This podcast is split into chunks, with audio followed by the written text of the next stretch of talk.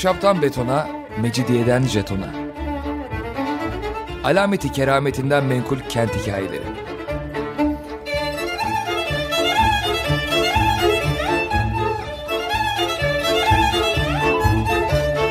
Hazırlayan ve sunan Pınar Erkan.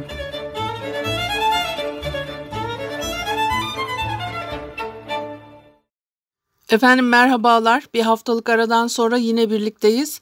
95.0 frekanslı açık radyoda ahşaptan betona, mecidiyeden jetona. Tam şu anda başlamış bulunmakta.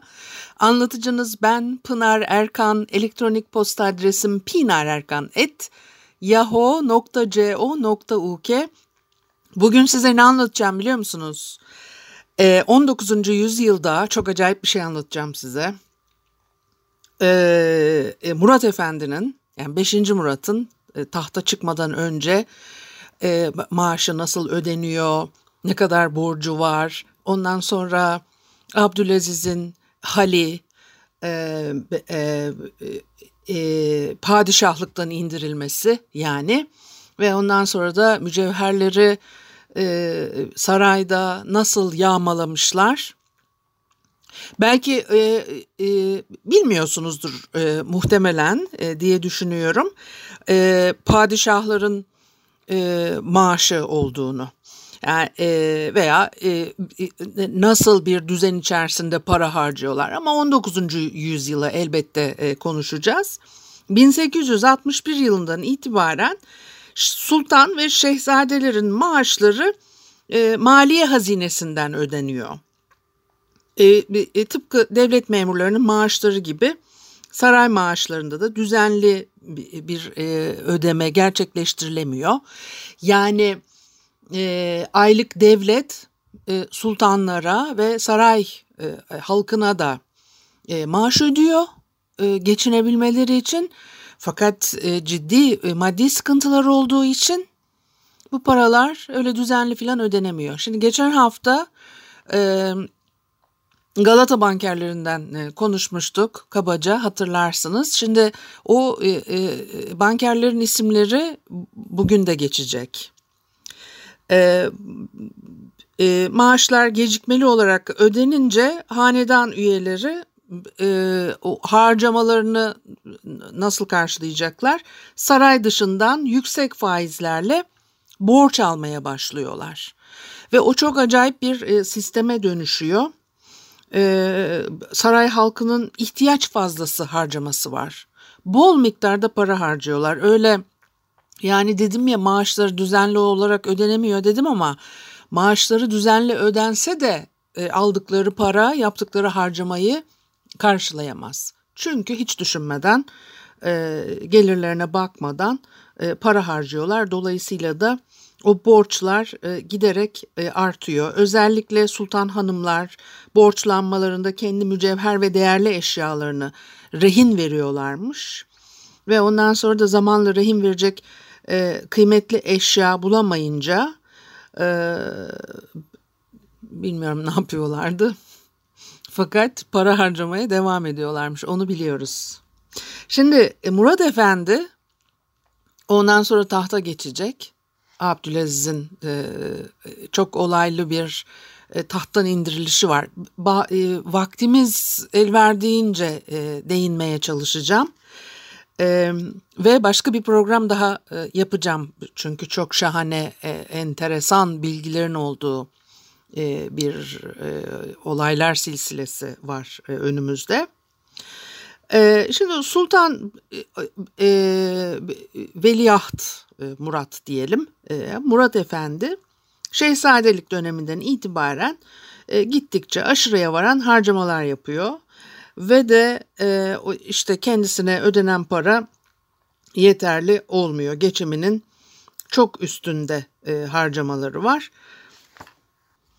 Bu durumda hemen Galata bankerleri devreye giriyor.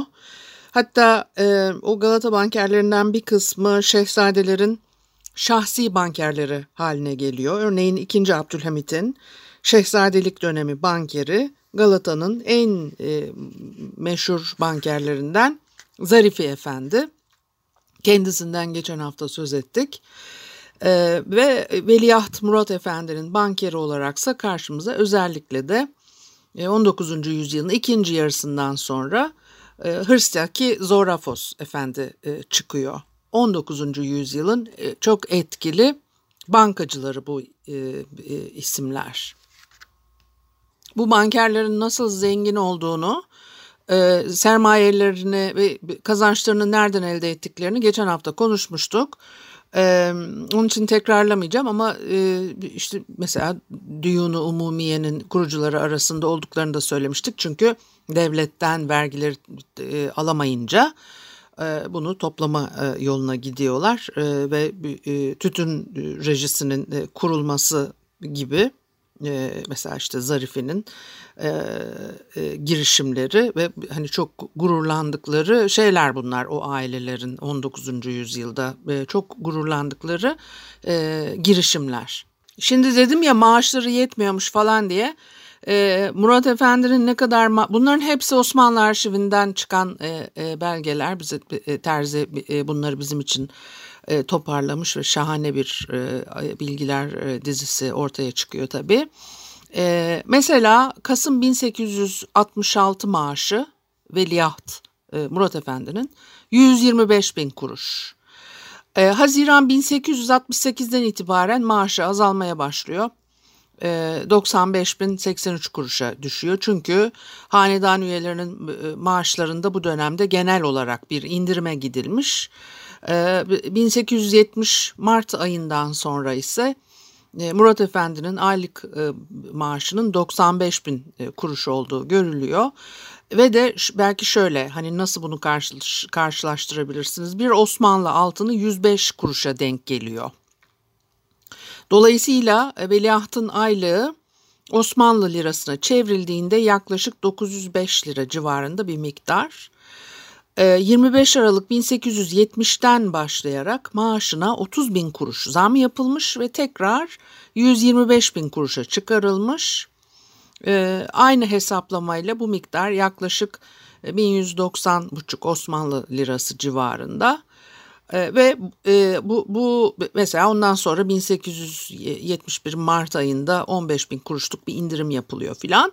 Hani e, o dönemin e, koşullarına göre bu maaşlar biraz indiriliyor, biraz çıkartılıyor.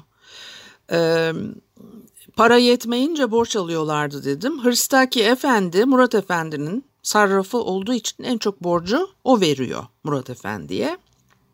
Ve o borçlar doğal olarak aylıklarla e, ödeniyor ve de ödenecek. Fakat sadece Hırstaki Efendi'den borç almıyor, başkalarından da borç alıyor e, Murat Efendi. E, Moroğlu Mugırdıç'ta ikisi 200 bin, biri 300 bin, diğeri 100 bin olmak üzere dört borç senedi varmış mesela. Yani e, bir kere kendi bankerlerinden borç alıyorlar, ondan sonra da nereden borç bulurlarsa oradan da borç almaya devam ediyorlar. Öyle bir durum var. Ve de o borçlar, maaşlar her şey defter tutularak kayıt altına alınmış. Zaten bu bilgiler de Osmanlı arşivindeki o kayıtlardan e, çıkıyor. Ve o defterlerde mesela e, annesi Şevki Efsar Hanım'ın borçları da kayıtlı. Çünkü e, Hırstaki Efendi hem e, e, Murat Efendi'nin borçlarını hem annesinin borçlarını ve maaş hesaplarını e, birlikte idare ediyor. Ondan sonra da e, Murat Efendi tahta çıktıktan sonra annesi Valide Sultan'ın özel e, sarrafı yine Hırstaki Efendi oluyor. E, Şevki Efsar Hanım'ın aynı tarihlerde aylık yüzde bir faiz ve yarım komisyonda maaş hesabından e, Hırstaki'ye olan borcu 189.885 kuruşmuş. E, aylık yüzde bir faizle e, bu paraları alıyorlar ve maaş harici İstikraz hesabı ise yine aynı faiz oranı geçerli olmak üzere 356 lira civarındaymış. Yani şunu da belki söyleyebiliriz. Murat Efendi'nin maaş hesabı borcu 1 milyon 544 bin 933 kuruş. Annesininki 189 bin 885 kuruşluk borcun toplamı 1 milyon 734 bin 818 kuruşa ulaşıyor. Ve aynı tarihte Hristaki'nin elinde kalan ve tahsil edemediği Murat Efendi ve annesinin maaş senetlerinin tutarı 1 milyon 495 bin kuruş. E, arada e, doğan e, farkı 1 lira 104 kuruş hesabıyla 6 liraya çeviriyor ve çıkan o 2305 lira 94 küsurluk rakamı da Murat Efendi'nin istikraz hesabına yazıyor. Şimdi e, bir kere devlet Murat Efendi'ye bir e, maaş senedi veriyor ya o maaş senedini Hırstaki'ye veriyor. E, çünkü maaşını bozduramıyor, alamıyor devletten. Geç ödüyorlar dedim ya. E, ondan sonra da Hırstaki bunları maliye hazinesinden dönem dönem tahsil ediyor. Yani o maaş senedini kırdırıyorlar bankerlere. E, e, karşılığında e, e, parayı alıyor harcamak için. Ve de zaten Hırstaki maliyeye sürekli borç veren ve maliye için sürekli borç bulan bir banker olduğu için o maaş miktarlarını tahsil edememesi diye bir durum söz konusu değil. Ee, o her iki hesap üzerine konan aylık yüzde birlik faiz çok yüksek bir rakam. O birikmiş borçlar için yıllık yüzde on sekize varan fahiş bir miktara e, geliyor bu. Böyle bir hesaplar silsilesi. Ve de bu borçlanmaya e, saray ahalisinin ve hani Sultan e, e, Murat o zaman daha veliaht onunla ilgili konuşuyoruz. Başkalarından aldıkları borçlar dahil değil. Ve bütün bunların üstüne tabii o ilişkilerin nasıl geliştiğini ve Sultan Murat'ın nasıl başa e, geçtiğini de konuşacağız. Bir kere Abdülaziz'in saltanatının son yıllarında aşırı şekilde saltanat hırsına kapılmış. E, Sultan Abdülaziz de gittiği o Avrupa seyahatinde bir an evvel Osmanlı e, tahtına geçmesi için kendisine telkinler yapıldığı e, düşünülür. E, ve de amcasıyla beraber Avrupa'ya gittiği zaman e, hal, tavrı, temaslarındaki işte sıcaklık herkesi çok cezbetmiş, çok iyi ilişkiler kurmuş. Bir de e, e, o yüksek sosyete gruplar arasında büyük sempati yaratmış. O dışarıda uyandırdığı sempatik ilgi ve alakadan memlekette Abdülaziz'in asabi, hırçın hareketleri nedeniyle bir e, zıtlık ortaya e, çıkıyor e, ve hani Abdülaziz gitsin Murat gelsin filan gibi de bir anlayış, bir etki ortaya çıkmaya başlıyor. Bir müzik arası verelim ondan sonra devam edelim. Efendim Açık Radyo'da ahşaptan betona, mecidiyeden jetona devam ediyor. Haliyle Pınar Erkan'ı dinlemektesiniz. Ve de ben e, çok e, keyifle anlatıyorum. E, Veliaht Murat Efendi'nin e, tahta e, e, nasıl geçtiğini ve o dönemde e, yaşanan o, olayları. Bunlar e, tarihi olaylar, elim olaylar, tatsız şeyler var içlerinde ama en nihayetinde tarihten e, kesitler aktarıyoruz ve burada o asıl e, mücevherlerin talanına geleceğim. Anlatmak istediğim şey o da. Öyle sadece talandan bahsedemiyoruz çünkü hani bir sebebi var her şeyin. Bir de hani e, hep anlatılır aşırı harcamalar yapıyorlar sarayda sultanlar falan da bu nasıl olmuş hani e, e, Hani o, o çok detayıyla bilmeyiz. Onları da bir parça size aktarmak istedim. Şimdi Sultan Murat dolayısıyla tahta geçmek için bir hevesle bir takım çalışmalar yapıyor. Son derece entelektüel bir insan olduğu e, anlatılır. E, ve de e, o meşrutiyet rejimine getirmek isteyen yeni Osmanlılar onu destekliyorlar. Evet o dönemde yeni Osmanlıların e, fikir babaları Namık Kemal ve Ziya Bey olmak e, üzere Prens Halim Paşa, Ahmet Beyzade Mehmet Bey, Şinasi ve Ali, Ali Suavi efendiler, e, Veliahtın doktoru Kapolyon, banker Köçeoğlu Agop ki ondan da e, e, borç alıyor. Bahariye'de e, Köçeoğlu hamamının kalıntısı vardır. E, bildiniz mi? Hatırladınız mı nereden söz ettiğimi? Sadece bir e, kalıntı çünkü o, o bölgede de e, zaten köşkleri konakları vardı. Geriye hiçbir şey kalmadı tabii onlardan. Bir de özel bankeri işte Hırstaki Zorafos e, toplantılar yapıyorlar. E, 5. Murat'ın Kadıköy'de Kurbağalıdere'deki köşkü e, Abdülaziz e, aleyhinde e, e, e, hareket edenlerin en önemli toplantı yeri e, 5. Murat'ın e, Kurbağalı Dere'deki köşkünü konağını da kaç defa konuştuk. O toplantılarda çok büyük paralar harcanıyormuş. Yine bu paralar 5. Murat'ın cebinden çıkıyor.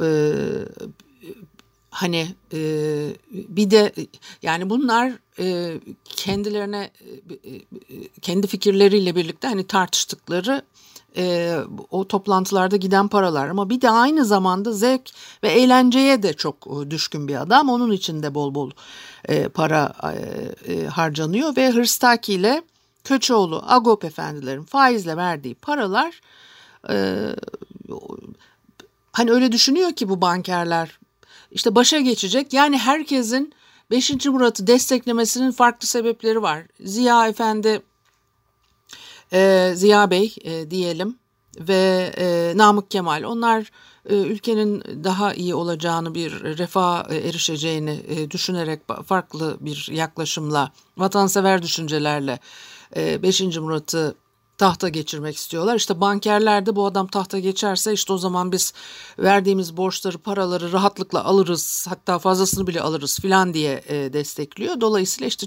e, herkes e, farklı farklı sebeplerle e, yani bo borç para veriyorlar. Geleceğin iktidarına e, yatırım yaptıklarını e, düşünüyorlar. Ondan sonra 6 Ekim 1875 tarihli moratoriumla devlet iflasını açıklıyor. Ee, çok hoş olmayan bir mali tablo var. Ee, dolayısıyla da bu ekonomik zorluklar nedeniyle e, iktidara karşı hoşnutsuzluk ciddi oranda artıyor. 19. yüzyılın sonunu konuşuyoruz arkadaşlar.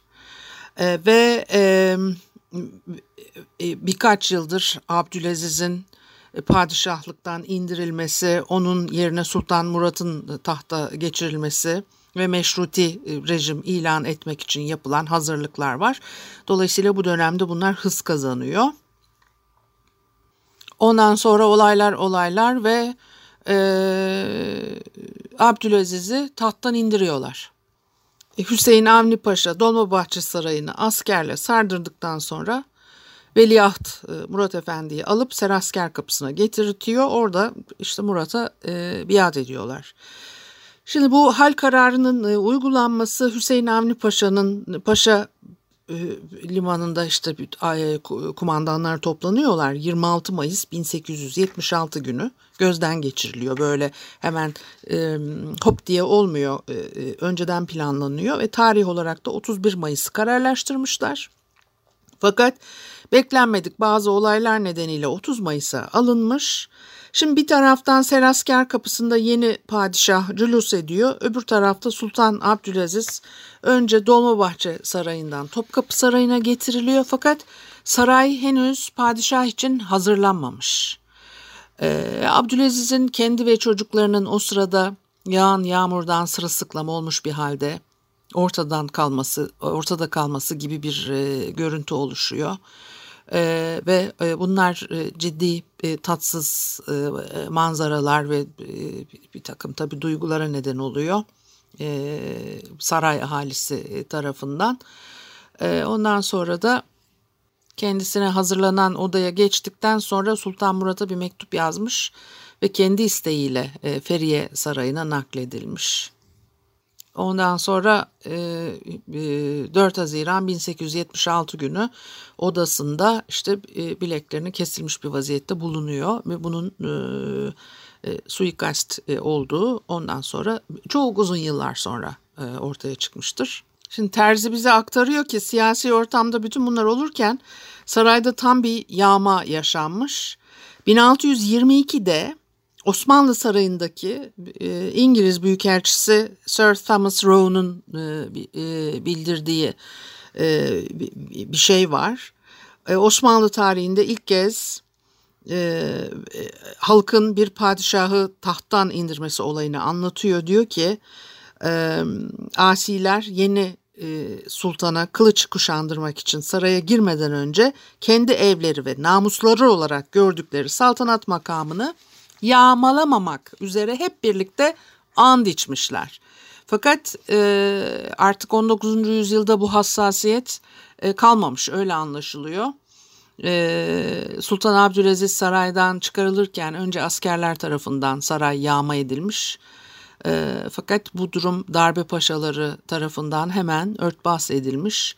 Arkasından e, Sultan Murat'ın annesi ve Murat'ın tahta çıkışıyla Mabeyn Müşiri damat Nuri Paşa tarafından e, hanedana ait mücevher ve değerli eşyalar e, talan ediliyor. Yani burada problem paraların ne şekilde alındığı. Burada problem derken de şunu söylemem lazım. Osmanlı saltanat kurallarına göre bir padişah tahttan indirildiğinde onun e, malları bir sonraki padişaha intikal ediyor. Yani önceki padişahın çocuklarına falan kalmıyor e, bir şey. Dolayısıyla zaten ne varsa Sultan Murat'a geçmiş.